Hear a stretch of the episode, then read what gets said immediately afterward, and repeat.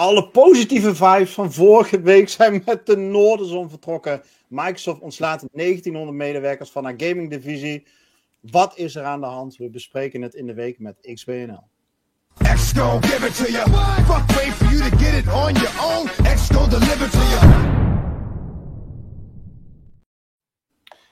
Welkom mensen, podcast 276 op de mooie, nou mooi, eigenlijk helemaal niet mooi, maar goed, laat toch even het uh, rijtje afmaken. Vrijdag 26 januari 2024, ik zie in mijn lijstje staan 2026, maar dat is natuurlijk gewoon een dikke type. We leven in 2024 en je bent aangekomen heel huids en wel bij de Week met XBNL, onze wekelijkse podcast van het platform xboxnederland.nl de website die je ongetwijfeld kent voor je dagelijkse portie nieuws. En vele, vele, vele reviews die we ook vandaag gaan bespreken. Uh, maar waar we vooral bij stil gaan staan, en met we bedoel ik natuurlijk Niels of Rivia en uh, Rivia. Nee, wat is het? Sorry, ja, Rivia, net zeg je goed. Niels, Niels of Rivia en natuurlijk onze, onze eigen techneut uh, Jeffrey. Ja, mooi. Ja, welkom mannen. We hebben een hoop te bespreken. En laat ik maar gewoon direct met de deur in huis vallen. Microsoft zou Microsoft niet zijn als ze de goede vibe van vorige week, waarin we in een soort van euforische staat hier de podcast begonnen met een developer direct met vier uh, toptitels. We hadden een lekkere week achter de rug. We hadden de eerste goede reviews binnen. We wisten toen al dat er nog goede reviews ook deze week aan zaten te komen. Dus de sfeer voor 2024 was gezet. Maar Microsoft zou Microsoft niet zijn als ze natuurlijk zelf die sfeer ook weer de nek om zouden draaien met verschrikkelijk, uh, verschrikkelijk nieuws. Namelijk dat uh, de gaming divisies, uh, dat daar ontslagen zijn gevallen. En niet zomaar een aantal ontslagen, nee, 1900 mensen zijn ontslagen, voornamelijk bij Activision Blizzard. Het gaat over 8% van het totale personeelsbestand van de gaming divisies van Microsoft, Activision Blizzard en Bethesda Zenimax. Um, nou, dat was gelekt. Uh, Phil ja, gelekt in die zin. Phil Spencer had het in een memo mede moeten delen aan uh, de verschillende teams. En dat memo is gelekt. Dat is in handen van The Verge. En wij hebben daar vervolgens, net als heel veel andere media, ook over geschreven. Maar ja, Jeff, laat ik maar gewoon eerst even jouw kant op gaan. Um, dit is toch wel even een puinhoop waar we nu in terecht gekomen zijn. Of hoe, we gaan daar ook wel even over hebben hoe we dit ontslag moeten begrijpen. maar dit is ja. ronduit verdrietig nieuws. Ja, nee, ja, zeker voor uh, alle mensen en alle euforie rondom Activision Blizzard. Mensen die blij waren dat, uh, dat er gewoon nieuw leiderschap kwam. Uh, dat ze onderdeel werden van een nieuwe cultuur. En, nou, maar dan komt dit toch wel een beetje als schokkend ineens zo naar voren. Ja. Ehm, zo, zo achteraf bekeken misschien niet heel onlogisch. En ik sta er uh, denk ik ook wat minder hard in dan, uh, dan anderen. Maar daar kunnen we denk ik zo nog wel even over hebben. Ja, ja over het niet onlogische gaan we het zo meteen eh, inderdaad over hebben. we willen vooral nu echt even de aandacht voor... Ja, het zijn gewoon bijna 2000 mensen die ja. weet ik veel hoe lang al met ziel en zaligheid werken. Niels, dit, ja, dit zo'n zo grote ontslagronde maken we niet vaak mee. Nou, ja, ja en nee. Uh, volgens mij is dit de periode van elk jaar waarin we dit soort berichten uh, uh, voorbij horen komen van techbedrijven ook. Ja. Dus ik sta er zelf in als Jeff. Het is niet heel, heel verrassend dit. Het valt natuurlijk wel op na de overname van zo'n groot bedrijf. dat er dan in één keer 8% van het personeel wordt weggebonjourd.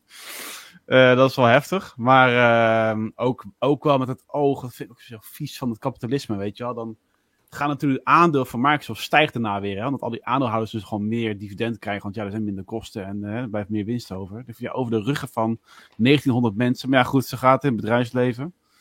Uh, ik ben benieuwd, er is verder niet echt informatie over de evaluatie. Weet je wel, waar, waar gaat het om? Welke is bijvoorbeeld één project gewoon geschrapt van, bij Blizzard?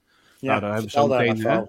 Ja, dat gaat om, om Odyssey. Nou, eerlijk gezegd, ik heb daar ooit inderdaad zes jaar geleden iets over gehoord. Ja. Is verder helemaal niet top of mind gebleven bij mij in ieder geval. Dat van, nou ja, jammer, maar de, we wisten ook niet nou, We hadden het laatst dus uh, over gehad in ons artikel hè, van het uh, einde nieuwe jaar.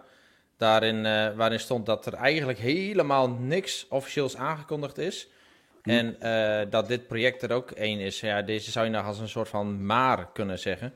Maar dit, dit was het enige, weet je, de Project Odyssey was het enige kleine beetje wat aangekondigd was, of half aangekondigd was, wat ze hadden.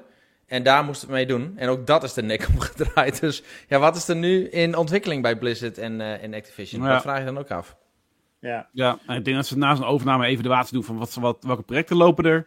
Waar gaan we mee door, waar gaan we niet mee door. Ik zie hier in de chat, dus, uh, Martin Spires zegt, het schijnt ook een groot deel te zijn van de supportafdeling. Nou, dat is niet bekend, ik weet niet of dat inderdaad zo is. Ja, dat is wel, er zijn twee geruchten over wat voor afdeling het met, met name getroffen zou hebben. En één daarvan, uh, dat is dan vanuit Windows Central, uh, bronnen van Windows Central. Even de naam kwijt, Jess heet die geloof ik met zijn voornaam. Um, dus de, de supportafdeling van Activision Blizzard. Um, en uh, de physical retail divisie. Namelijk de divisie die gaat over de distributie en ontwikkeling van ja. gewoon de fysieke games. Ja. En um, ja, dat laatste, ik denk dat het voor Jeff, uh, Jeff kennende, hè, die toch al lang geleden overstap naar digitaal gemaakt heeft, jou zal het niet zo raken. Maar ja, voor de verzamelaars is dit geen goed nieuws. Ja, maar hier hebben we het vorige week ook al over gehad. Ja, ik klopt. snap niet waarom mensen hier nog wakker van liggen. We weten met z'n allen, die kant gaan we op. Er is gewoon geen houden aan. Dat gaat gewoon gebeuren. Dat is, er hoeft denk ik ook geen verrassing meer te zijn dat...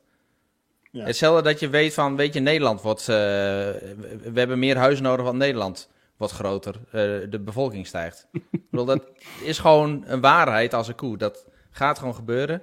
Dus daar kunnen we maar beter mee leven en een beetje op voorbereiden, dan dat je krampachtig vasthoudt aan, oh ja, laat het maar niet gebeuren. Dat. Het valt wel op, weet je, als je, een, als je een mediamarkt inloopt of whatever, welke story je inloopt voor je games dat Xbox was al klein, hè, met, met de hoeveelheid uh, vierkante meter die zij krijgen om hun games te verkopen. Dat gaat nu alleen maar kleiner worden. Dan kan de gamer misschien het beeld krijgen van, oh, maar Microsoft die plus zit eigenlijk helemaal niet meer zoveel. Terwijl Microsoft gaat gewoon meer door, over naar digital only. Ja. ja. Qua consoles. Ja, ik, ik nou, zie daar ook risico's uh, in ja. de zin van, uh, we hebben al kleine schappen, zeker in een land als Nederland wat meer PlayStation en ik denk ja. ook al deels Nintendo georiënteerd is, en moeten we het vaak al doen met de hoekjes. En die worden er niet beter op. Uh, met de, als het klopt, inderdaad. De, de, de, kijk, dat er meer digitaal gaat, dat is natuurlijk prima. En ik ben het helemaal met jou eens, Jeff. Dat is een ontwikkeling die is in gang gezet. En die ga je ook niet kunnen stoppen. En die hoeven we ook niet te stoppen. En die hoeven we ook niet nee. te remmen.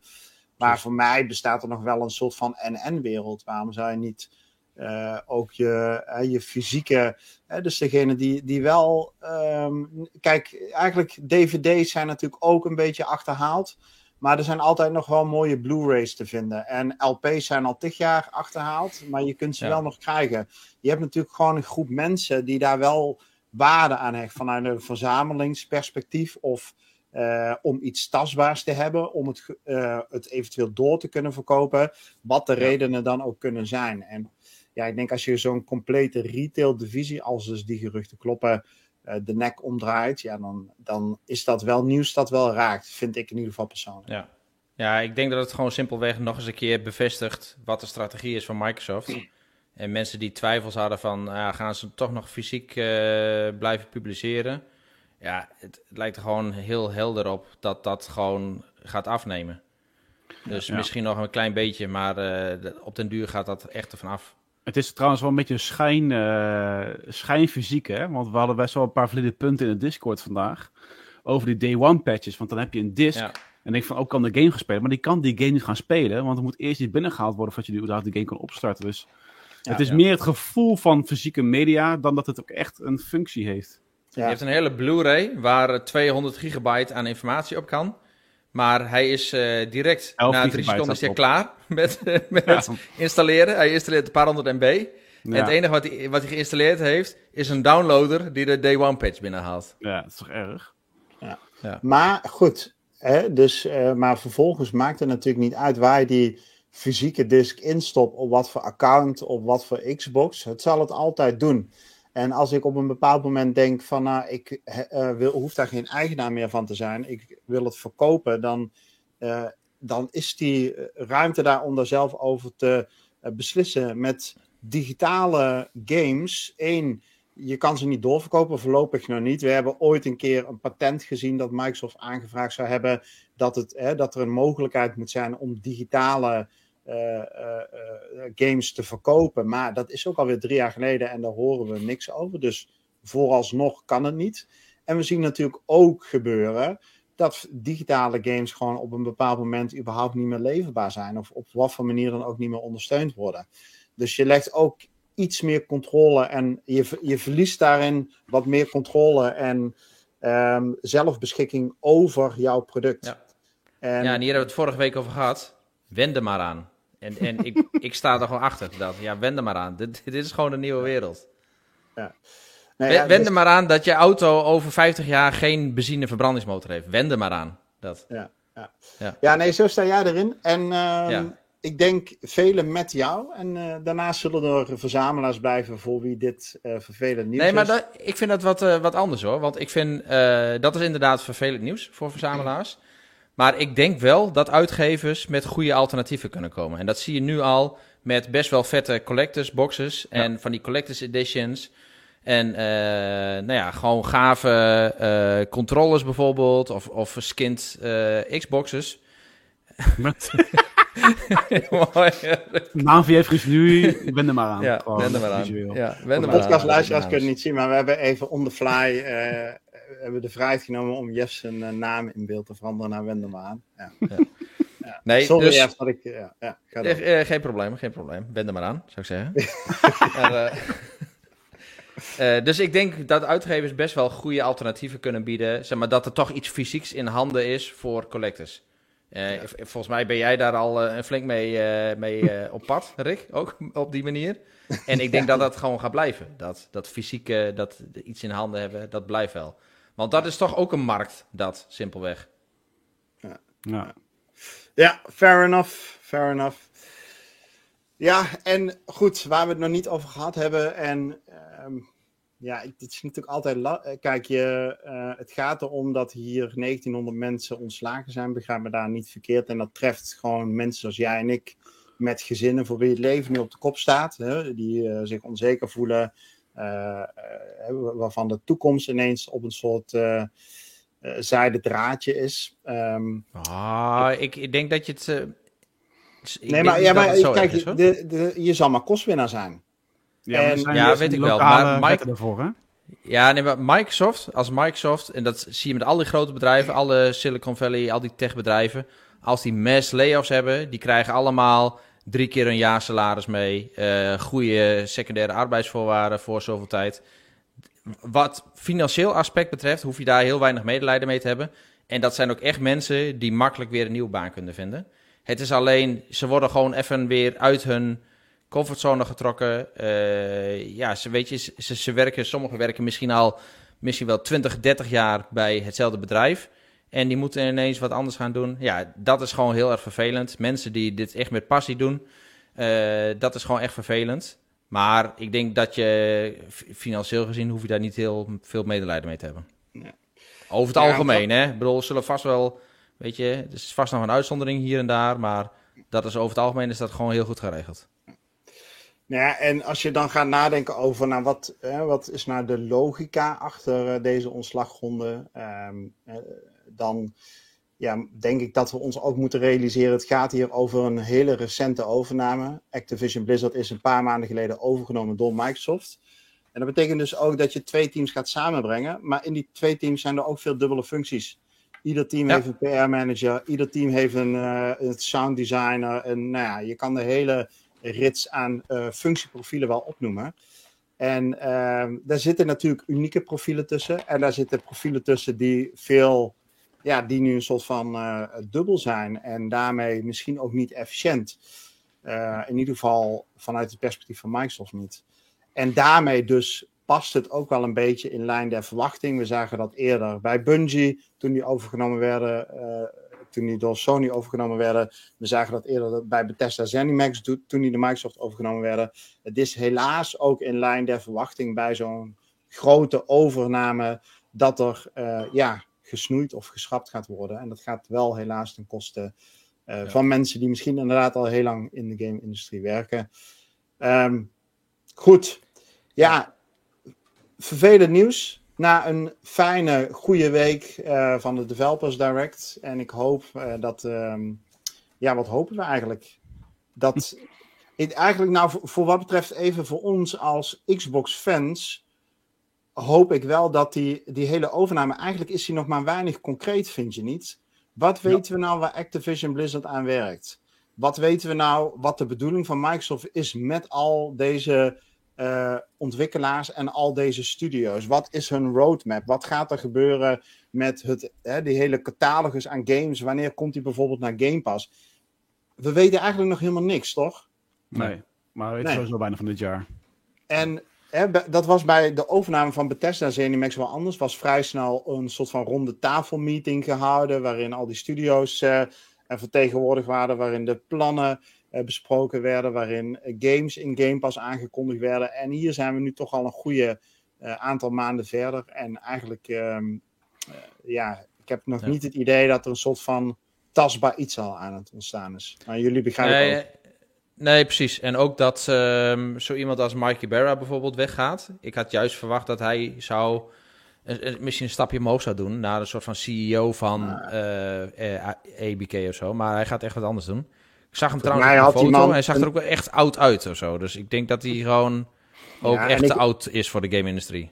Ik weet ook helemaal niet of, dat, of die uh, samenwerking met Microsoft op goede voet gegaan is. Het komt op mij überhaupt over als een vrij impulsieve man die uh, zich ook vaak negatief al heeft uitgesproken. Dat leek ook vaak vanuit een soort van impuls.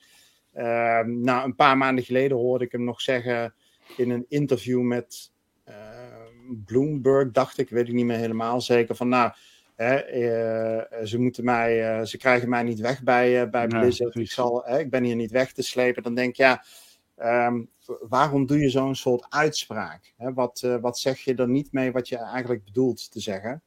Um, ja. En het is nu ook weer een beetje vaag. Hè? Is die man is die nou ontslagen? Of heeft hij, is hij zelf opgestapt?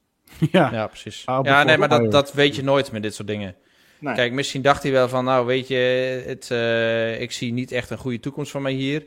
Ik ga gewoon wat anders doen. Of ik ga sowieso, uh, heb het idee om wat anders te gaan doen. Of uh, misschien is het toch een beetje kwaad bloed. En past hij niet in, in, in, bij, Phil Spencer in het team of zo. Dat zou natuurlijk ook kunnen. Ja, ik weet niet. Misschien is het ook wel, uh, want ik weet, Mikey Barry is, heeft altijd wel op een redelijk hetzelfde niveau als Phil Spencer gezeten. Voordat Phil Spencer CEO werd van Xbox. Misschien is dat ook wel een onderlinge strijd geweest. Uh, dat ze elkaar niet liggen of zo. Ja. Dus misschien dat dat soort dingen ook wel spelen. Ik denk dat er, wat Björn zegt, Björn 1976 zegt het al in de chat. Het is erg stil rondom die aankoop van Activision Blizzard King. Ik vind het toch een beetje vreemd. Ja, Kotick is natuurlijk ook weggegaan sinds het nieuwe jaar. Dus voor mij is er gewoon achter de schermen nog even heel wat nodig qua management, qua verdeling, qua nieuwe rollen, qua hè, wat ze naar buiten gaan met plannen. Want voor mij moeten die plannen echt nog helemaal geformuleerd worden van oké, okay, wat gaan we nou wel doen, ja. wat gaan we op de lange termijn maar, doen. Oh, daarover gesproken, ik vind dat ook wel weer uh, heel gaaf, dat we weten nog van niks. We weten 100% zeker, dit is zo'n mega groot uitgever, die zijn met van alles en nog wat achter de schermen bezig. 100%. Gewoon, die zijn echt wel met hele gave games bezig. Dat weet ik echt zeker. Ja. Dus de vraag is, wat is het eerste waar ze mee komen? Dus ja. je weet dat ze iets in de pipeline hebben zitten. Je weet dat ze ook altijd, hè, met name Blizzard, die heeft, heeft het altijd tot het laatste moment, kunnen ze dat goed geheim houden. En dan is het er ineens.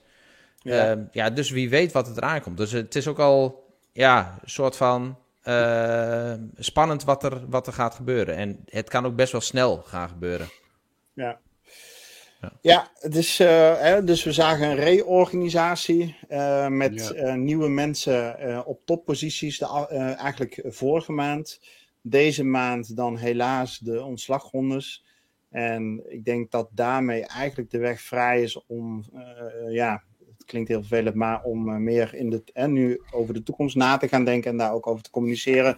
Dus komende maanden verwachten wij daar denk ik vanuit de redactie wel veel meer nieuwsstroom, meer dan de afgelopen maanden. Voor nu, jongens, zou ik eigenlijk voorstellen, laten we dit topic afronden en doorgaan naar een uh, volgend topic.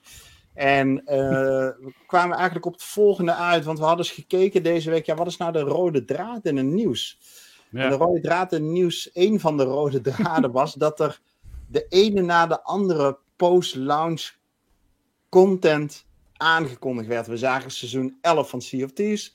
We zagen, uh, wat was het, seizoen 3 van Diablo 4 lanceren. We zagen aangekondigd worden dat Halo Infinite uh, seizoen 5 voor volgende week heeft aangekondigd. We zagen de roadmap op de website. Hè. Dat is allemaal trouwens te lezen op xboxnederland.nl. Zagen we de roadmap van Skull and Bones. Hè, dus de Year One roadmap. Datzelfde zagen we van Suicide Squad.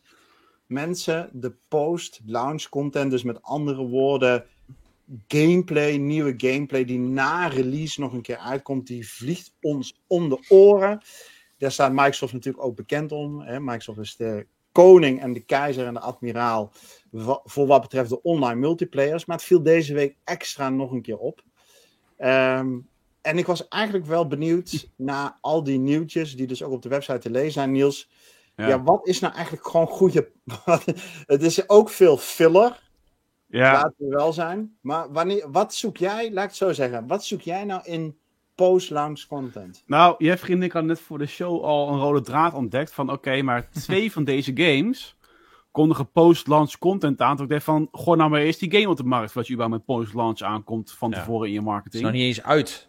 Dat is Suicide Squad en het is Skull and Bones. Dus van, nou, ik zou jullie was toch wel eventjes iets minderen met uh, wat bombarie wat er achteraan komt. Um, uh, en mind you, so Suicide Squad, uh, Rocksteady heeft echt een, een, een, video van 11 minuten online gezet met wat er allemaal aankomt aan cosmetische zooi, nieuwe verhalen en noem maar op. Um, dus die zijn heel erg transparant over wat ze gaan doen. Maar ja, ja dan, moet je toch, dan moet je deze game toch wel ja, niet dat ze in één keer alles weggooien als die game niet goed is, maar... Nee, maar het, ik, de timing is raar. Ja, inderdaad. Want zo'n game wordt uitgesteld omdat ze meer tijd nodig hebben om ja. die game beter te maken. Ja, maar ondertussen hebben ze wel allerlei marketingbudget en uh, zitten ze te werken aan post-launch content. Dan, dan gaat het toch iets niet goed?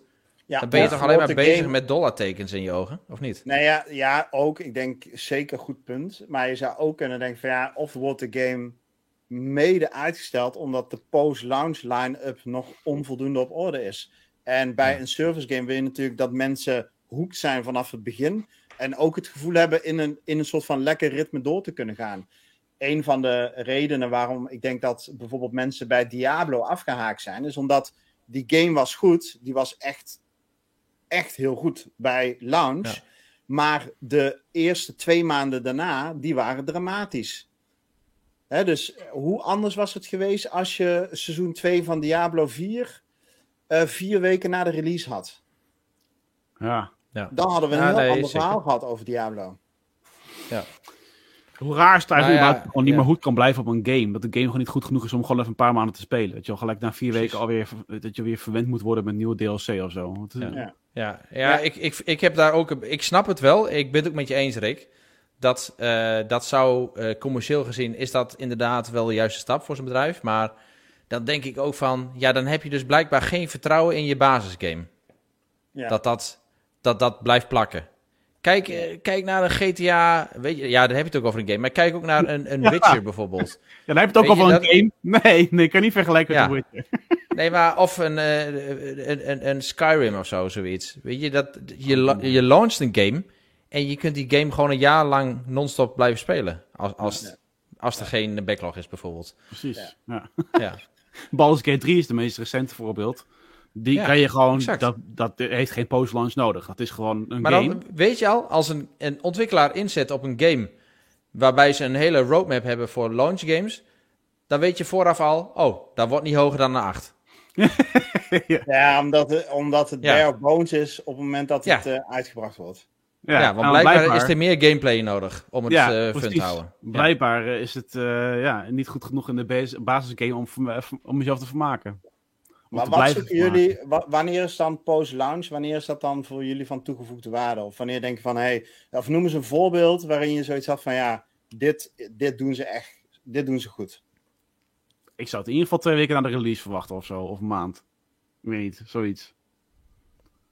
Niet of juist wel, sorry. Het is wel, ja, wel. Gewoon twee weken tot een maand na een release of zo, ik weet niet. Ja, ik zou nee, gewoon, een jaar of zo. Gewoon een jaar, een jaar na release. Nee, dan ben je alweer dood. Dan is het alweer klaar met die game. Duidelijk. een half jaar dan. Ja. Nee, maar kijk naar Phantom Liberty bijvoorbeeld. Weet je, dat is gewoon goede post-launch content. En ja, zo'n ja. betalen DLC. Ja, die, die, die, had, die had je ook niet na twee maanden moeten releasen al. Nee, dat ondermijnt dan de basisgame. En, zo meteen meer maar dat, is, dat is wel een beetje de orde van grote... Ja, dat, dat vind ik dan een goede DLC, dat soort dingen. En wat mij betreft vragen ze daar gewoon 50 of 60 euro voor. Maar dat zijn echt volwaardige DLC-stukken. Dus niet gewoon meer van hetzelfde uh, gewoon doorgetrokken. Alsof iemand aan een zo'n AI-schuifje zit en even de game doortrekt. ik moest bij, bij, bij, het artikel van Skull and Bones moest ik wel lachen. Denk, hoezo, zo, hoezo toont Skull and Bones toekomstplannen? ik zeg, wanneer moet het uitkomen dan? 2030? Wat de Wat looi je nou? Skull and Bones is eigenlijk de post-launch van Skull and Bones. Maar dat ja. ik denk, denk dat bij Skull and Bones de po post-launch content eerder uitkomt en daarna de base game pas. ja, mooi man. Dat, oh, dat is een drama. Ja. Nee, maar, ik zou, maar kijk, Cyberpunk, eigenlijk zeg je dus van ja, la, als er, de, er moet een um, verdieping zijn op de game. Hè, dus het hoeft, jullie zoeken niet per se een soort van incentive om met weekly, um, hè, dus bijvoorbeeld uh, wekelijkse objecten daaraan mee te doen. Want dan doe je eigenlijk natuurlijk telkens hetzelfde. Haal je je wekelijkse object, speel je een cosmetisch item vaak vrij of iets in die strekking. Um, dat hoeft wat jullie betreft niet per se. Je zoekt eerder zoiets als een Phantom Liberty, wat een nieuwe verhaallaag toevoegt aan al de bestaande ja, game. Absoluut. Ja. En dan is, ik spreek alleen voor mezelf, hè? Want en ik snap dat ik een uitzondering ben. Want um, je merkt dat heel veel gamers die gaan wel los op cosmetics en op wekelijkse nieuwe quests om weer nieuwe cosmetics of, of content stukjes te openen. Uh, maar ik, ja, voor mij helpt dat niet. Dus je hebt het bijvoorbeeld ook met Forza's en zo. Uh, met die Horizons heb je dan ook, weet je, die wekelijkse quest. En dan moet je dat doen. En dat doe ik dan een weekje, de eerste week. En dan ben ik afgehaakt. Dat, dat, trekt mij gewoon niet. Maar ik merk dat heel veel andere gamers dat wel doen. Dus blijkbaar werkt het wel, alleen voor mij niet. Ja, ja. oké, maar dat is ook inderdaad uh, hoe het voor jullie werkt. Ja, eigenlijk de enige game waarvoor dat voor mij wel echt werkt, is natuurlijk Sea of Thieves. Um, Verder ook niet echt. Bijvoorbeeld ook al die... In Forza Horizon 5 zie ik ook uh, allerlei minuutjes met uh, dagelijkse challenges en wekelijkse challenges en seizoenschallenges. En ja, ik begrijp die minuutjes al niet eens meer, weet je. Dus zoveel, ja. als je er even niet meer in zit, dat ik denk, ja, oké, okay, uh, ja. geen idee wat ik moet doen, laat maar zitten. Ja, ja. ja precies. Maar goed, als je het dan hebt over games die. Um, hè, dus we zoeken meer die. Um, echt die verhalende DLC die echt iets toevoegt aan de wereld. En een van de games die de beste DLC's ooit gemaakt heeft, is dan. Bedoel, Niels, ik ga hem één keer zeggen. Doe ermee wat je wil. Een van de games is natuurlijk The Witcher. En daarmee gaan we ook naar ons derde topic. Want Niels, er is. nou ja, The Witcher, daar, gloor, hè, daar zit een mooie toekomst in. Wat zijn de plannen voor jouw favoriete franchise de komende tijd? Ik had gehoopt dat je gewoon in één volzin zou zeggen van de beste DLC is eigenlijk ooit was van The Witcher 3. Dat ik ook Nee, maar Niels, jij hebt het weer niet begrepen. Rick heeft jou een paar voorzetjes gegeven en je hebt er gewoon niet ingekapt. Dat is je eigen schuld. Ja, maar uh, hij had al aangekondigd hè, de hele week. Uh, ik heb 25 banen tegelijk. Dus je moet die man ook gewoon Weet je, ja, de brein is al half uitgeschakeld. En dat die... hij, hij zei ook van, ja, Witcher, Witcher, ik ben wel een beetje klaar mee eigenlijk. Ja, het was nog een nieuwtje, maar... Nee, nee, nee, nee. Ja. Nou, nee ik heb hier... Eh, Vertel even, Niels. Uh, het is even op uh, een soort samenvatting van wat de projecten nou zijn van die zijn aangekondigd voor The Witcher. Eén ding is duidelijk, met CD Projekt Red um, uh, is de focus nu wel van Cyberpunk af. Hè? Ze hebben Phantom Liberty geleverd. Nou, voor mij hebben ze daarmee een soort strik om de franchise gedaan van... nou, we hebben geleverd wat we willen leveren, eindelijk, na fucking vier jaar. Eigenlijk drie jaar, 2023 dan. Ja. Uh, ze hebben de patches allemaal doorgevoerd en weet je, hulde voor dat ze dat hebben doorgezet allemaal. Uh, maar nu is wel duidelijk dat ze gelijk alle kracht zetten op The Witcher. Dan met name The Witcher 4. Eh, maar ook op de remake die eraan zit te komen van The Witcher 1. Um, ehm, er zijn al 300 developers, en dat is iets minder dan de helft van het bedrijf, zijn, is, al, is al bezig, of zijn al bezig met uh, dus de nieuwe Witcher uh, game. En daar komen nog 100 bij gedurende dit jaar. Um, en um, de is in 2022 al gezegd van wat er allemaal aan zit te komen. Dus ik zou kunnen de titel van Polaris, Sirius, allemaal allerlei projecten. Nou, er zijn twee, ja, drie concrete projecten. Dus je hebt één, dat is dus The Witcher 4, maar ook daarbij gelijk 5 en 6 zijn toegezegd, want het was een trilogie. Serieus? Ja. Dus die komen dat, en dat gaan ze allemaal doen in Unreal Engine 5, gelukkig. Dus het drama van Cyberpunk proberen we te skippen dit keer, want uh, het, het grootste gedeelte van het drama van de launch van Cyberpunk ja. 2077 was uiteraard de engine, de Red Engine, want die was gewoon niet schaalbaar. Dus dat was gewoon voor meerdere generaties niet te doen. Um, gaan over op Unreal Engine 5. Ook de remake van The Witcher 1 uh, gaat over op Unreal Engine 5. De reden waarom ik zo enthousiast ben over de remake van 1 is dat deze kan je ook clip. The Witcher 1 was eigenlijk niet zo heel erg goed als game. Wel qua verhaal. Uh, en de wereld was overtuigend, maar de gameplay mechanics en hoe, hoe houterig alles ging, animatie was niet zo bijster boeiend. Het was heel erg omgeving naar omgeving en geen open wereld. Uh, dus dat gaan ze nu wel doen. Dus dan gaan ze echt helemaal open wereld maken.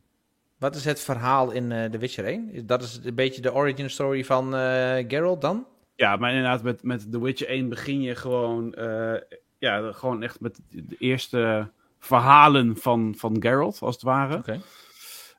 Um, en ook daar kom je Jennifer tegen en je komt Trish tegen. En, um, nou goed, maar het is wel leuk om een beetje de origin story dan te beleven. Dat zie je met heel veel series, ja. films zie je dat natuurlijk ook zo. Achteraf, hè, dan, je bent al bekend met een Batman en dan eh, krijg je nou weer een Batman origin story. Wat ik vind altijd wel gaaf, dat. Ja. ja, en ik denk dat ze ook dit keer beter gaan presenteren. Want zoals ik al zei, The Witcher 1 had je niet per se door dat Geralt echt een sterk personage is. Tenminste, dat, als je de boek had gelezen, weet je misschien een beetje waar het over gaat. Maar ook met de boeken, zeg maar de eerste twee boeken van The Witcher, dat zijn losse verhalen van Geralt en Dandelion. Uh, Jaskier in de serie heet hij. Uh, Dandelion in de game. Dus dat nog, en de serie saga, waar The Witcher 3 eigenlijk over gaat, dat is pas vanaf boek 2. Dus eigenlijk The Witcher 1 en 2 de games gaan er puur om verhalen uit die eerste twee boeken. Oh, ja. Um, en uh, dit is een mooie kans voor de, de, de, de maker om gewoon nieuwe spelers aan de franchise te trekken. En eigenlijk Geralt opnieuw neer te zetten. En dit keer overtuigender, met een betere wereld. Uh, en open wereld ook nog eens een keer. Met mooiere graphics. Dus uh, dat is zeker een mooie ja. kant. En die nieuwe trilogie, 4, 5, 6, is die dan ja. gebaseerd op andere boeken? Of is dat een heel nieuw verhaal? Nee, dat wordt echt een nieuw verhaal. Dus ik ben heel benieuwd wat ze daarmee gaan doen. Want het houdt bij de, de wat, schrijver op. Wordt de schrijver wel erbij betrokken? Uh, volgens weet ik niet eigenlijk. Voor mij niet. Ja. Nou, die die schrijver ook in. Ja.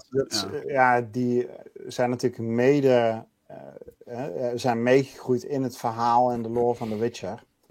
En ja, dat helemaal maar, eigen gemaakt. Die schrijver vond in eerste instantie het helemaal kut, hè? Dat ze dan een game hadden gemaakt en uh, dat het zo populair is geworden door die game. Hij is echt zo'n hij wilde uiteindelijk meer geld, omdat hij, uh, dat ze heel veel hadden verdiend aan The Witcher 3. Maar um, uh, ik, ja, ik kan me niet echt voorstellen dat hij daarmee aan mee gaat schrijven, denk ik. Um, nou ja, goed, dan heb je nog eens een keer een ander project. Dat is dan Sirius en dat is dan van de Molasses Flood. Dat is een Amerikaanse game studio die CD Projekt Red heeft overgenomen. En dat moet echt heel iets anders gaan worden. Dat is echt een of andere single-player, multiplayer ervaring waarvan ik ook nog niet weet wat dat allemaal is. Dus uh, drie grote projecten staan er te wachten de komende jaren. Waarbij ook nog een keer afwachten, ja, wat voor termijn gaat er gebeuren, weet je wel. Gaan we een keer volgende keer, of dit jaar misschien een trailer krijgen van de remake, of wanneer komt überhaupt The Witcher 4 uit.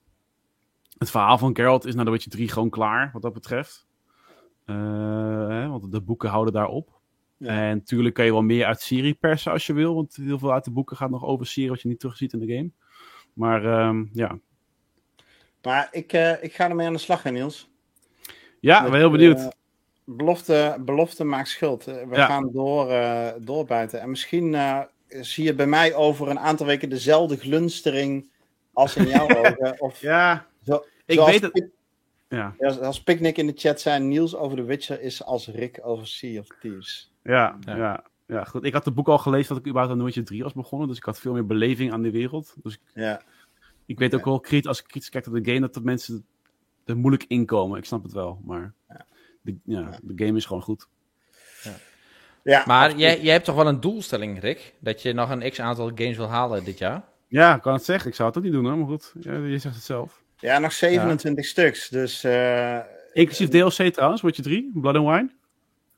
Nou, maar dat is dan een aparte credit. Tenminste, als die meer dan ah, een paar uur is, dan ga ik hem als aparte credits doen. Ja, dat Blood and Wine zeker. Kijk, de Heart of Stone, dat valt al mee, maar uh, Blood and Wine is wel 40 uur, ja. ja. ja. Inflatie. Little Evil die zegt: Boys is een dark mode voor de website. Geen idee. Ik heb mijn zonnebrand niet bij me. Jeff, uh, is dat een idee? Is dat een schijf? Ja, het is zeker een goed idee. Ja. Oké.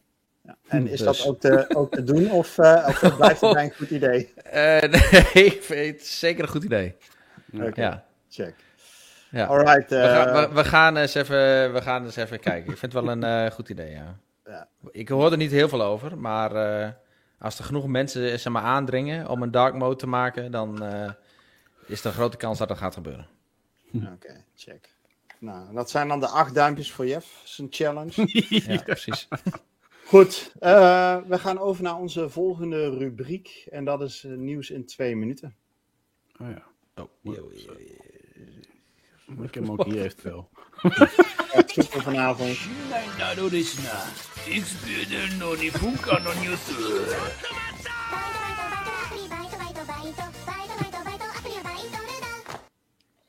Hoppa. Nou, Jeff, uh, je hebt je acht uh, votes al binnen hoor. Little Evil, Hertog Finn X, Evil. Ja, allemaal. Uh, ja. ja, maar van. ik, ik weet hoe uh, sommige van die heren naar, naar schermpjes kijken. TV. Ja, ja van 5 1 dus op 1 meter afstand. Dus ik, ik, ik snap dat elk wit vlak, dat het een wit vlak te veel is. Ja. ja. ja. ik heb dat dus juist met zwarte achtergrond op witte letters, jongen. Daar word ik helemaal, daar word ik helemaal na van. Ja?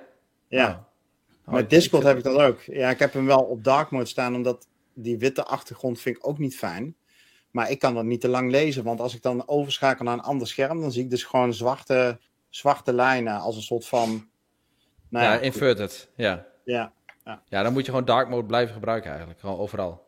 Ah, ja, we kunnen wel een dark mode maken van deze stream, gewoon zo, gewoon zo. Hier, hey! Lekker hoor, Niels. Niels doet dat gewoon even. Goed, uh, ja, we, hebben we hebben veel van de twee minuten nieuwtjes zaten in het topic over de post-launch content. Dus mocht je meer willen weten even over van hey, Sea of Thieves seizoen 11, wat zit daar nou in? Diablo 4 seizoen 3, vertel me daar meer over. Nou, enzovoort en zo. Uh, check xboxnederland.nl. Als je dan daar toch op de website bent, dan vind je daar ook nog de volgende drie nieuwtjes. Namelijk dat Banishers Ghost of New Eden van, oh, ja. laat, hoe heet de uitgever ook alweer? Focus Entertainment misschien? Ja, iets van... meteen poelen. Ja, maar die is net de naam veranderd, hè? Ja, dus, uh, een game die ja. toevallig over drie weken uitkomt op 13 februari. Ja, die heeft toevallig. een story trailer gepost. En dat is wel even de moeite waard, man. Dit is gewoon Don't Not. Ja, sick hoor, um, dit. Met actie-RPG. Ja. De Souls-like elementen. Ja, dit... Kijk, het, de, het cijfer is al geschreven. Ja, het, het is ja. wel een, een goatee contender dit. Uh, zo ziet het er wel uit, die ja, trailer. Ik ben heel erg benieuwd wat jij ervan gaat vinden, Rick. Ja, ja, het, ja, het zou fantastisch zijn als we hiervoor een review... review ja, als we dit... Uh, ja, zou echt... Hoe fantastisch zou het zijn als je dit bijvoorbeeld deze week al zou kunnen spelen? Ja, ja nee, Hoe gaaf dat, zou dat zijn? Ja, en dan op mijn Logitech G Cloud eventueel. Dat zou... Ja. Uh, Goed, wordt te veel insiders. Uh, ja, ja, ja. Uh, laten, maar mensen, serieus, deze game vliegt onder de radar door. En dat is echt onterecht. Dus check de website xboxnederland.nl. Zoek Banishers. Daarmee kom je er al, want dit is donut verhaalvertelling gecombineerd met hele vette actie-RPG gameplay. De trailers, we hebben er meerdere van op de website staan, die spreken boekdelen. De verhaalvertelling zit waarschijnlijk strak in elkaar. 13 februari komt hij uit. Hou die game in de gaten. Een game die we ook in de gaten moeten houden, Niels, is Ja. een fout. Laten we het zo zeggen, we waren daar niet erg enthousiast over na de Developer Direct. Ben jij na de nieuwe Deep Dive gameplay meer overtuigd van deze game? Nou, wat fijn dat je dit aan mij vraagt. Ja. Want ik had natuurlijk al het een en ander aan enthousiasme meegegeven in het Discord. Ja. En ook Ja, in het ik zit er net Discord, even een eh, screenshot van te maken. Kijken of ik dat kan laten zien ergens. Oh ja, doe maar. Ik weet niet meer wat mijn reactie was, maar meer van, ik vond het gewoon verbazingwekkend dat ze gewoon best wel lang praten over deze game ook. En echt doen alsof ze een of andere nieuwe parel hebben gemaakt met eh, eh, nieuwe innovatie binnen het genre. Terwijl gewoon, het ziet er echt uit als een game van 15 jaar terug of zo. Niet, niet zozeer qua graphics, maar de wereld die ze maken Ah. is wel echt heel mooi. Qua belichting, nou, is op zich al die Zou jij zeggen wel qua graphics? Ja, maar eh, niet, Ah, qua- ja, gameplay zou ik het eerder zeggen. Het is wel statisch Bethesda achter dit. Dat is niet eh, best. Zo staat het. Eh nog steeds nog steeds saai. Dan staat er inderdaad... Dit is een, En een is een spoiler alert trouwens. spoiler alert voor de podcast dit, eh, inderdaad. eh. en geen lange discussie graag over Halo Infinite seizoen 5. Maar ehm, eh, nee, dus ik zei van ja, weet je... Als ik iets zie met deze insider van... eh of inside video van Avowed is dat ik nog steeds niet ga spelen. Ja. Ja. Nou, dat, ja, dat vind ik wel dat vind ik bijzonder. Ik zei dus ook in Discord van, ik vind het toch wel bijzonder dat ze dan zo'n game, die eigenlijk helemaal niet overtuigend is, vind ik dan, gewoon helemaal in de spotlight zetten. Ik denk van, nou, voor Ja. mij hebben we nog even een, een weg te gaan met de ontwikkeling. Ja, wat, wat deze game kan gebruiken. Ik denk dat alles qua mechanics en zo, de onder water, dat het redelijk goed zit. Ja, Maar wat deze wel. game kan gebruiken, is dat hele cinematische productiekwaliteit. Ja, Wat eh, ja. Ninja Territory eh, bijvoorbeeld wel kan doen. Theory, Dus eigenlijk zou dat team, Ninja Theory, die zou hier eens even eh, overheen moeten gaan. Van, hé hey jongens, we gaan het eens even fixen voor jullie. Ja. Ja. Ja, ja, ja, goed. Ja, spannend. kijk, wij zijn alle drie Obsidian fans. We hebben Grounded Ja. tot in de treur gespeeld. We hebben de Outer Worlds, alles Exact. gespeeld, tot en met de DLC. We hebben, eh, nou, ja, daar houdt het trouwens wel een beetje op. Van de, ja, maar dat is ook over een eh, span van vijf jaar natuurlijk al. Ehm, ja, weet je, Obsidian krijgt, zoals we al eerder zeiden, voorlopig het voordeel van de twijfel. Maar de nieuwe video om een soort van gerust te stellen, had op ons in ieder geval als redactie nou niet bepaald dat effect. En we gaan het wel met interesse blijven volgen. Ja. Ehm, ja, en dan tot slot, laatste twee minuten nieuwtje, waarbij staat geen lange discussie alsjeblieft. dat is over Halo Infinite seizoen 5 is aangekondigd voor volgens mij 30 of 31 januari als release datum. Maar opvallend is wel dat met die aankondiging ook gezegd is, beste mensen, dit wordt ook het laatste seizoen. Daarna gaan we over naar operations, want dat doen we omdat een deel van het team met nieuwe projecten aan de slag gaat. Operations zijn kleinere updates die vier tot zes weken duren en die zijn wat makkelijker te onderhouden dan een heel nieuw seizoen te introduceren. Eh, dus eigenlijk zeggen ze twee dingen, wat mij betreft. De rek met Halo Infinite is eruit.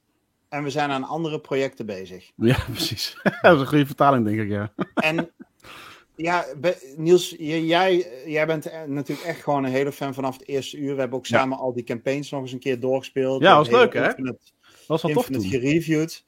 Ehm, ben je hier nou... Dit is toch een beetje verrassend, of niet dan? Eh, nee, ik vind het niet verrassend. Sorry, nee. Nee, ik eh, had al, eigenlijk al eerder verwacht dat ze de stekker eruit zouden trekken van, eh, van de update. Ontwikkeling van Halo Infinite was een rommeltje. En ehm, volgens mij zei Björn 1976 al eerder wat over dat, ze dan, dat er dan ontwikkelaars worden ingevlogen voor zo'n game en daarna weer ermee kappen. Dan mag een ander team het gaan overnemen. Het is Ja. gewoon totaal verkeerd gegaan met deze game. Ehm, dat hele multiplayer was aan het begin wel heel erg tof, maar dat, de rek ging daar ook al snel uit. De Mhm. co-op campaign was natuurlijk een blamage. Dat is helemaal kut, want dat is wat je net zegt. We hebben dus die vorige z'n allen gedaan. Wat ontzettend tof om te doen. En het blijft nog steeds iets. Ik serieus, ik zie mezelf nog de hele Master Chief Collection om de zoveel jaar gewoon weer spelen met iemand. Ja. Want het is, het is gewoon echt super leuk. Ja. wel grappig dat jij het, verhaal technisch niet het meest overtuigende franchise vond. Maar wel, weet je, wel, het is wel soepele gameplay. Wel leuk om het Ja. te doen. Ja. Nog steeds, nog steeds. Hè? Dus Ja. die gameplay is echt gewoon tig jaar na dato met die eh, Master Chief collectie. Ja. je, Nou ja. je, je speelt gewoon een, een, eh, een, eh, ja, een actuele game eigenlijk. Ja, en eh, met Halo Infinite was dat ook de campaign interessant genoeg voor ja, leuke koopmomenten, weet je wel. Weer open wereld, eh verticale door die grapplehoek. Dus dat, ja, maar dat, was, dat is gewoon helemaal niet doorgegaan. En ehm, eh, dat is gewoon jammer. En nu met die seizoenen dan die er aankomen, ja, weet je, op een gegeven moment houdt dat ook dat een beetje op, denk ik. Alhoewel ik eerder moet bekennen, ik heb ook niet meer heel veel gespeeld hoor, met die seizoenen daarna. Maar ik vraag me gewoon af waar het naartoe gaat met eh, Halo überhaupt. Want Evil Terror zegt het ook in de chat, er was een tienjarenplan. Dus dat ooit de Destiny dat had trouwens. Toen kwam Destiny 2 ineens. Ehm, dat is nu met Halo hetzelfde, denk ik. Weet je wel, ook helemaal geen zicht op verhalende DLC of überhaupt verhaal. Ik denk van ja, wat, wat gaan we krijgen? Of is het Ja, klaar ik, met de denk, franchise? ik, ik, ik denk dat ze maar gewoon moeten nokken met Halo. Gewoon, doe maar gewoon niet. Ga gewoon lekker met een, eh, met een nieuwe IP komen. En dan heb je vanzelf wel mensen die over tien jaar zeggen... Oh, eh, Halo, komt daar ooit nog eens een keer wat nieuws van? Oh, het zou wel gaaf zijn als er een keer een nieuw Halo zou komen. En dat is dan het moment om eens een keer weer na te gaan denken... over misschien een volgende Halo-game. Ja, ze moet gewoon van Master Chief af, denk ik. Er is genoeg lore in Halo, Nee, maar- het universum. Ja, of, of daar- ga een hele spin-off maken, inderdaad. Bijvoorbeeld, eh, inderdaad, ja. ja. ja. ja. Ja. Single Goed. player en dan met multiplayer erbij laten eventueel. Cool. Ja. tot dusver het Halo Infinite avontuur. Mensen, grijp je kans met het laatste seizoen. Maar daarna ja, wordt het toch kariger. Het blijft onderhouden worden in de vorm van operations. Maar zeker niet het tienjarenplan uh, wat men voor ogen had. Uh, goede nieuws is nieuwe projecten van een zeer getalenteerde studio. Uh, die het misschien met Halo Infinite niet helemaal waar heeft weten te maken. Maar dat het talent zit, daar is geen enkele twijfel over. Daarmee ronden we het topic, het ja, nieuws in twee minuten af. En dan gaan we over naar de reviews van deze week. De reviews van Helemaal Goud, Helemaal Kut, Xbox NL. Kijk, mensen, we hebben een hele sloot aan reviews op de website gezet deze week. En dat was eigenlijk alleen maar mogelijk met hulp vanuit de community. Want uh, ja, er waren gewoon zoveel games uitgekomen. Dat konden we niet allemaal zelf. Zeker niet allemaal zelf. En bovendien zaten er ook franchises tussen. Uh, en genres waar wij gewoon zelf als redactie minder in thuis zijn. Dus we hebben ondersteuning en hulp gehad van Eddie. We hebben ondersteuning gehad van uh, Dan. We hebben ondersteuning gehad van Peter. Um, en ben je benieuwd naar die reviews, dan hebben we het onder andere over Go Mecca Ball. We hebben het over een Belgische game overigens.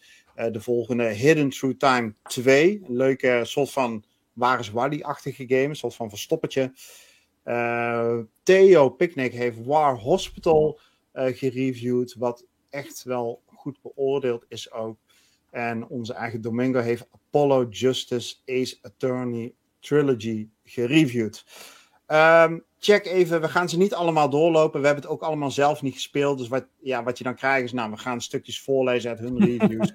Weet je, eh, dat, ja, daar word je ook niet blijer van als luisteraar.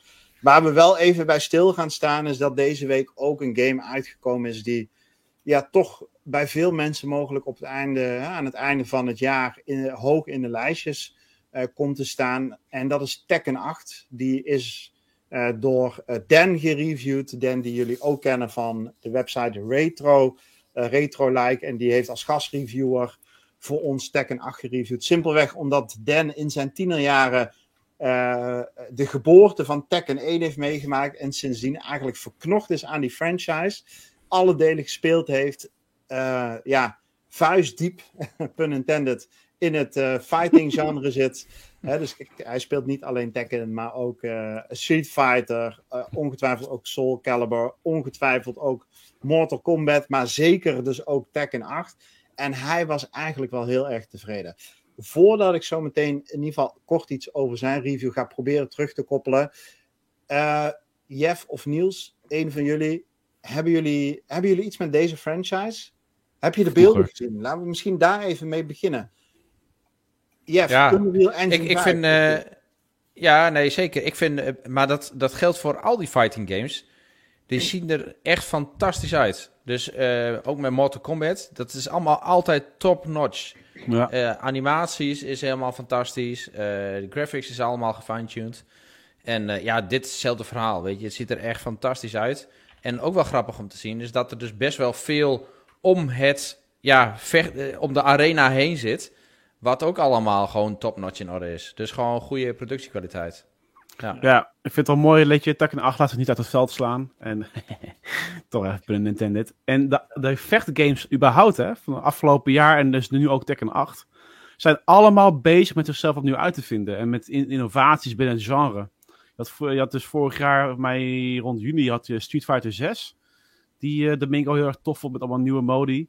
Mortal Kombat 1 heeft zichzelf opnieuw op de kaart gezet. Hè? Dat is een reboot van de franchise eigenlijk. Wel doorlopend elkaar verhaal, maar uh, die werd ook heel goed ontvangen door Renko. En dan heb je nu dus Tekken 8 die ook nog gewoon even lekker doorgaat in plaats van uh, afzwakt. Ja. En die ook weer, uh, en dat heb, begrijp ik uit Dan's reviews, zijn best doet om nieuwkomers te verwelkomen. Er zijn introducties op de voorgaande. Hè, want Tekken 8 is een fighting game, maar er is ook zeker wel een verhaal te volgen. er zit een story mode in, die is echt substantieel qua aantal uren. Uh, er wordt ook een goed uh, verhaal verteld. Uh, je wordt daar ook in meegenomen als nieuwkomer. Er zijn hè, van vorige verhalen zijn korte fragmenten te kijken. dus dit is een game die qua verhaalvertelling nieuwe mensen uitnodigt. Die verdieping geeft voor degenen die de franchise al sinds de jaren 90 spelen. voor de nieuwkomers op het gebied van fighting zijn er allemaal toegankelijkheidsopties toegevoegd. Om in ieder geval ja, toch ook je mannetje te kunnen staan in de uh, arena. En natuurlijk voor de veteranen onder ons, zoals Den, ja, de aantal combo's en de variaties daarop en de nieuwe characters met hun eigen movesets. Ja, dat gaat enorm diep. Dus hè, wat ik van Dan begreep is dat deze game uh, heeft een steile leercurve, dat wel, maar is toegankelijk op alle niveaus. En dat in combinatie met wat, wat jij al zei, is, uh, Jeff, ja, die visuals en die cinematics, jongen, ook als, ja, ja. sorry podcastluisteraars, je kan het nu niet zien, maar die beelden die je voorbij ziet komen, die zien er zo ontzettend gruwelijk uit. Uh, in de zin van uh, qua character models, qua kleurengebruik, qua ja. schaduw- en lichteffecten. Het is allemaal soepel, het ziet er allemaal next-gen uit. Dit is eigenlijk hoe je, hoe je games wil zien en hoe je ze wil spelen. En Tekken 8 is daar met verve in geslaagd. Die krijgt van Dan een 8,5. Een dikke aanbeveling om te gaan spelen. 15 tot 20 uur voor de verhaal. En daarna natuurlijk de tientallen uren die je erin kwijt kunt in online matches of uh, het vrijspelen van nieuwe characters enzovoort enzovoort. Dus ja, een aanrader mensen. We beginnen het jaar goed. Laten we wel wezen. Dan kijken we naar de eerste paar weken. Prince of Persia, hoogcijfer. Tekken 8 hoofdcijfer. En ik kan je alvast vertellen, community member Eddie is bezig met Like a Dragon. En dat gaat ook een heel hoog cijfer worden. Dus we zitten er goed bij. Ja. ja. En, en, een uh, game die over drie weken uitkomt, waarvan het cijfer ook al vastgeschreven is. is ook al geschreven. Die is al geschreven. En met nog nul minuten spelen. ja, ja, dus uh, uh, ja, mannen, laten we maar overgaan als we het over spelen hebben naar wat we zelf afgelopen week gespeeld hebben. Oh, sick.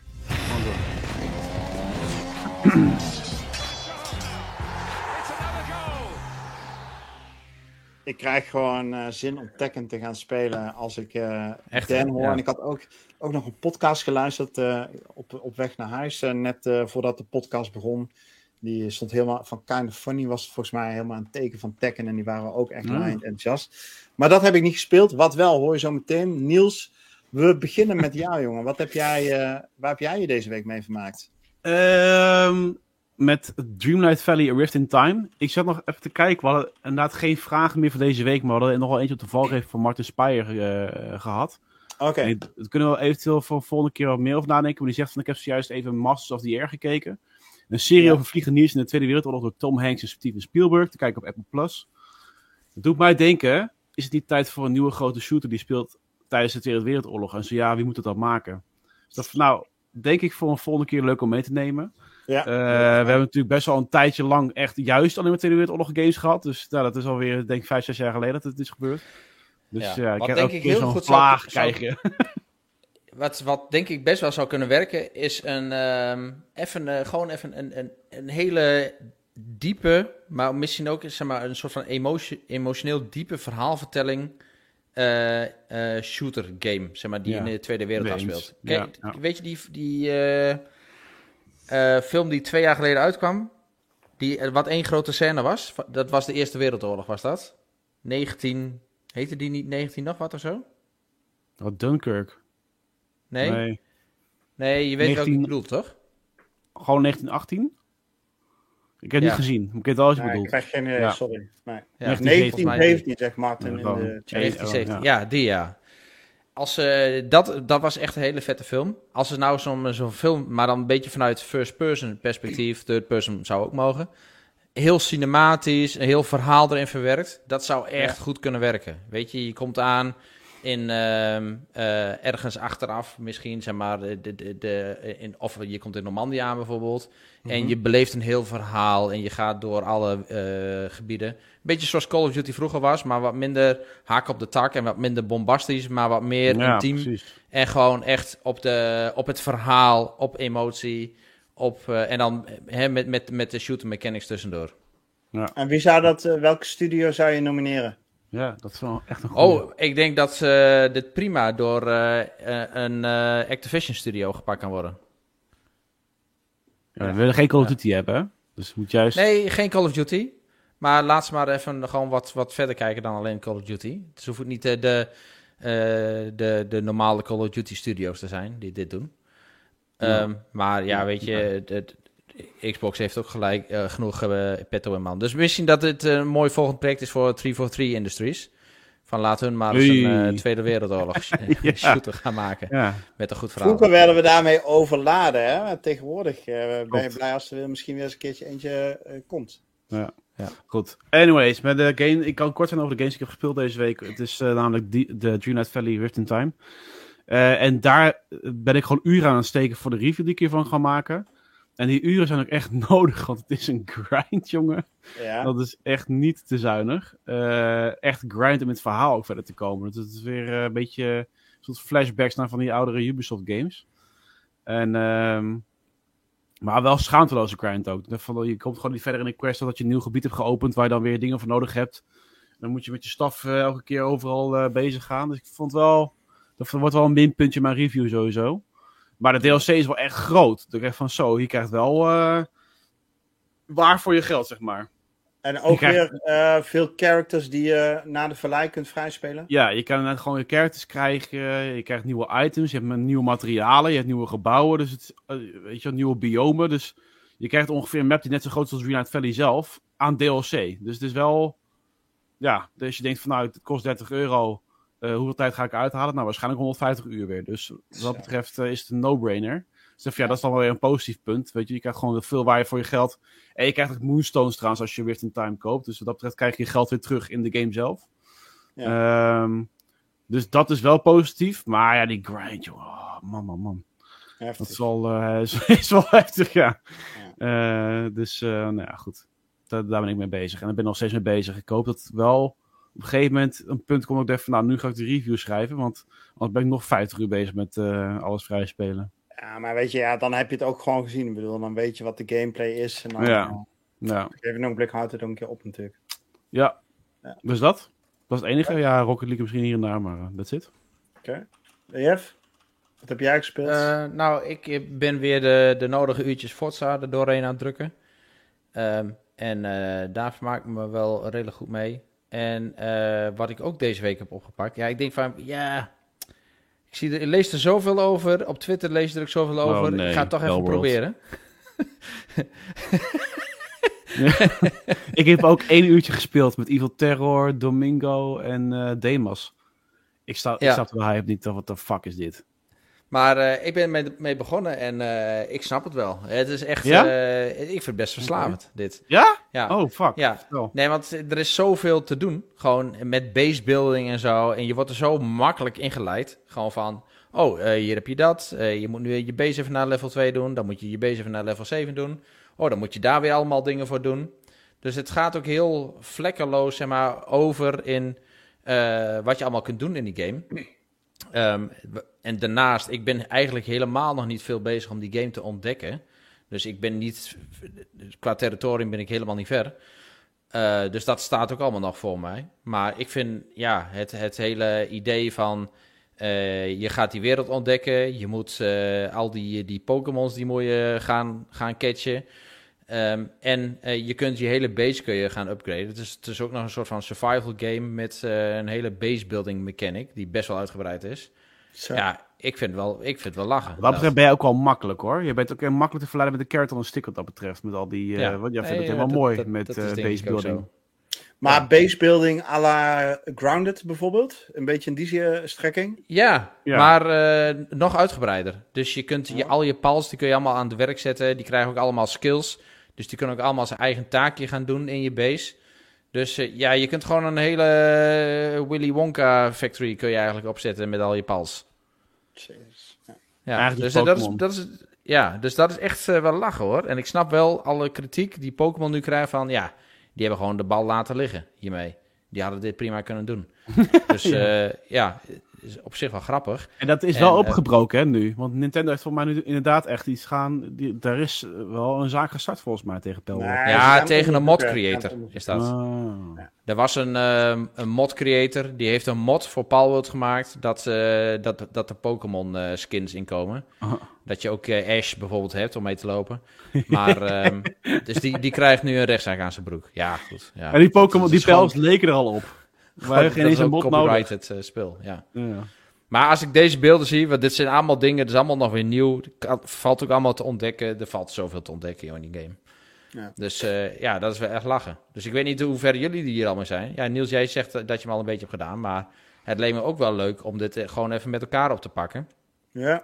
Um, en uh, daarom is het wel jammer dat je dedicated service nog niet hebt. Nou, maar voor een co-op is het dat kan geloof ik ook al. Dus je kunt gewoon met iemand co-op gaan spelen. En uh, gewoon met z'n, met z'n tweeën in de wereld gewoon lekker Ja, ja. Twee tot vier spelers co-op kan. Dat gaat nog niet echt vlekkeloos, uh, hoor en lees ik je her en der. Okay. Uh, de PC-spelers hebben de optie om een server aan te schaffen. En dan kun je daar met 32 spelers op. Maar die optie is er voor Xbox nog niet. En Team is wel ja, de acties aan het uitzetten om dat te realiseren. Maar dat schijnt nogal een obstakel te zijn. Dat uh, blijkt niet zo makkelijk bij Microsoft. Ja. Uh, ja. Dus ja. Maar jij dan, Rick, heb jij al een beginnetje gemaakt ermee? Nee, ja, nee, eigenlijk dus niet. Ehm, ik probeerde tot nu toe telkens gewoon lekker met die, uh, ik vorige week over gehad, hè, over die credits artikelen en dat betekent ook dat ik geprobeerd heb om gewoon lekker telkens één game te spelen en daar lekker gefocust mee Oh, bezig te ja. zijn en daarin op te gaan en dan af te ronden en dan naar een volgende te gaan. En deze paste daar niet in, want ik had deze week Hogwarts Legacy gespeeld en vorige week. Eh, en inmiddels ook uitgespeeld. Ja, Maar want als je het al- reactie erover. Ik heb, nou, ik heb het artikel wel gelezen, maar ik, dacht, ik vond het toch wel mooi dat het natuurlijk wel de goatee was van XBNL. Van, eh, Ja. Ja, snap ik heel goed. Ja, nee, kijk, qua sfeer en verhaalvertelling eh, was dit gewoon top-notch, vond ik ook. Eh, en ik ben helemaal niet zo'n fan van Harry Potter. Maar ik had geen enkel probleem om hierin te komen. Ehm, eh, je kan dit prima spelen, ook als je geen fan bent. Want je krijgt gewoon een fantastisch verhaal voorgeschoteld met leuke dialogen. Een aantal characters hè, die als een soort rode draad telkens terugkomen. Waarbij je toch voortdurend het idee van ja, kan ik jou nou wel of niet vertrouwen? Wat moet ik met Ja. jouw adviezen? Misschien moet ik maar iets meer quests voor jou gaan doen om toch eens even te proeven van ja, kunnen wij de relatie verder verdiepen? Of moet ik toch maar jou op een zijspoor gaan zetten? En ik vond dat eh, opvallend, eh, eh, dat ze dat opvallend mooi deden. En ja, waar deze game natuurlijk, zonder nu een hele review te gaan doen, maar de- dit, deze wereld, jongen, oi, oi, oi, oi, oi. Dat, Normaal, hè? eh, Hogwarts Legacy zelf. En dan heb je dat dorp wat net buiten Hogwarts ligt. Eh hoe heet het nou weer? Dogsmat of zo? Of, Ja, Hogsmeade heet dat. Eh, Hogsmeade, inderdaad. ja, ja. Ja, echt jongen, super sfeervol. En ja, ik, ik snap heel goed dat deze game eh, voor onze community Game of the Year is geworden. Ik ben, nu ik hem uitgespeeld heb, nog meer verbaasd dat deze game niet genomineerd is voor Game Ja. of the Year. Ja, Ja, het, het zou niet mijn Game of the Year van vorig jaar geweest zijn. Hij zou wel in mijn top 6 gekomen. Of eh, wat had ik, Ja. top 5 of top Ja. 6 of zo. Daar, daar was hij wel ingekomen. Maar ja, goed, toen, toen had ik hem nog niet genoeg gespeeld. En, eh, maar waar, die, waar deze game ook vandaan komt, is dat, dat Avalanche dan, dat Avalanche Studios, die dan tot, tot voor als, daarvoor hadden ze nog helemaal geen supergrote games gemaakt, behalve wat Disney licentie games. Ehm, en dan als een keer met een franchise als Harry Potter aan de slag gaan en dan als een keer alle verwachtingen waarmaken en ver daarboven. ja. Ik vind dat echt bizar gewoon. En Ja, hoe zeker. mooi het eruit zag. En het verhaal inderdaad. Van, ja, je krijgt het en, er, en, er zit, en er zit zoveel liefde in, de, in die details. Hè, van die Ja kleine dingen als dan zie je een wereldbol en dan geef je er een tik aan en dan spint die rond. En dan druk je op een knop en dan gaat er een muur op en dan blijkt daar ineens weer een kamer achter te zitten. Ja, live hè? Ja, Je... Stil jongen. Oh Ja. man. Ja, dus ja, je valt van de ene in de andere verbazing. En dat dan met eh, goede voice acting, toffe characters. ehm, Ja. ja, gewoon, ja, het is gewoon echt een topgame. Kan me iedereen aanraden. Dus ehm, Leuk. Ja, wat ik niet iedereen kan aanraden, en dat is het laatste wat ik nog te zeggen heb. En dat klinkt een beetje gek uit eh, mijn mond, maar dat is de, de Monkey Island DLC van Sea of Thieves. Oi. Dat was de tweede game die ik deze week veel gespeeld heb en waar de credits ook van zijn gaan rollen. Ehm, Kijk, To, ja, inderdaad. Nou ja, ik zal er kort over zijn, wat er natuurlijk gewoon wel... Dit is een DLC, die kun je... ehm, eh, die bestaat uit drie Talltales. En Talltales in Sea of Thieves zijn verhalende quests. En die duren, afhankelijk van het type Talltale, eh, een uur tot drie, vier uur. En de Monkey Island DLC, al die Talltales, die duren lang. Drie, vier uur. Nou, wat goed is aan die Monkey Island DLC, is dat ehm, de, het, de, de, de verschillende plekken ja, voor de Monkey Island liefhebbers val je van de ene in de andere nostalgische herinnering. Oh, en die, dat karakter zit erin en dit plekje en die circus tent en alles komt aan bod. Dus dat, eh, ik ben geen Monkey Island fan, maar uh, ik kan me voorstellen dat als je dat wel bent, dat zit ontzettend goed in elkaar. Maar wat gewoon niet zo goed in elkaar zit, is, uh, ja, het is te langdradig, man. Je, je bent hele stukken aan het lopen voordat je een stukje verder kan gaan met, met een deel van de puzzel. En dan moet je weer vijf tot tien minuten lopen zoeken. En dan moet je een reeks zwaardgevechten van een kwartier doen. En ik weet niet, het, ik, de, de, de stukjes verhaal die kwamen in een te traag tempo tot mij. En de momenten daartussenin waren te saai, te langdradig. Er was te weinig te doen. Dus al met al vond ik dit eigenlijk van alle Telltales die er zijn uh, de minste. Hoewel qua sfeer en aankleding het mooist. Maar uiteindelijk doe ik een Telltale voor het verhaal. En uh, dat, ja, daar was ik gewoon niet zo gecharmeerd van. Dus uh, ja. geen keiharde aanrader. Het is maar goed dat jij de Witcher 3 gaat spelen. Ja, dat wordt mijn, volgende, mijn volgende project. Jongens, wat dachten we ervan? We zijn een uur en... Ja, lekker man. Uur bezig, ja, ik dacht denk het ongeveer. wel. Ja, iets meer. Gaan we hem afronden? Maar Jeff? goed. Niels? Ja, ik, heb geen uitsmijter, dus uh, Nee, ik ik maar. Dan uh, brengen we hem naar de eind- eindstreep, mensen. En uh, daar krijg je natuurlijk een hele dikke achievement voor. Waarmee wij ook podcast nummertje 276 van vrijdag 26 januari 2024 naar de eindstreep helpen. Mensen, je weet het. Tussen nu en volgende week vrijdag. We zijn er gewoon voor je. We zijn één grote steungroep met nieuws op xboxnederland.nl. Met support op onze Discord. En met heel veel liefde in de party s'avonds laat. Welke game jij maar wil. U vragen, wij draaien. En tot dan, tot volgende week. Yes. Bye bye.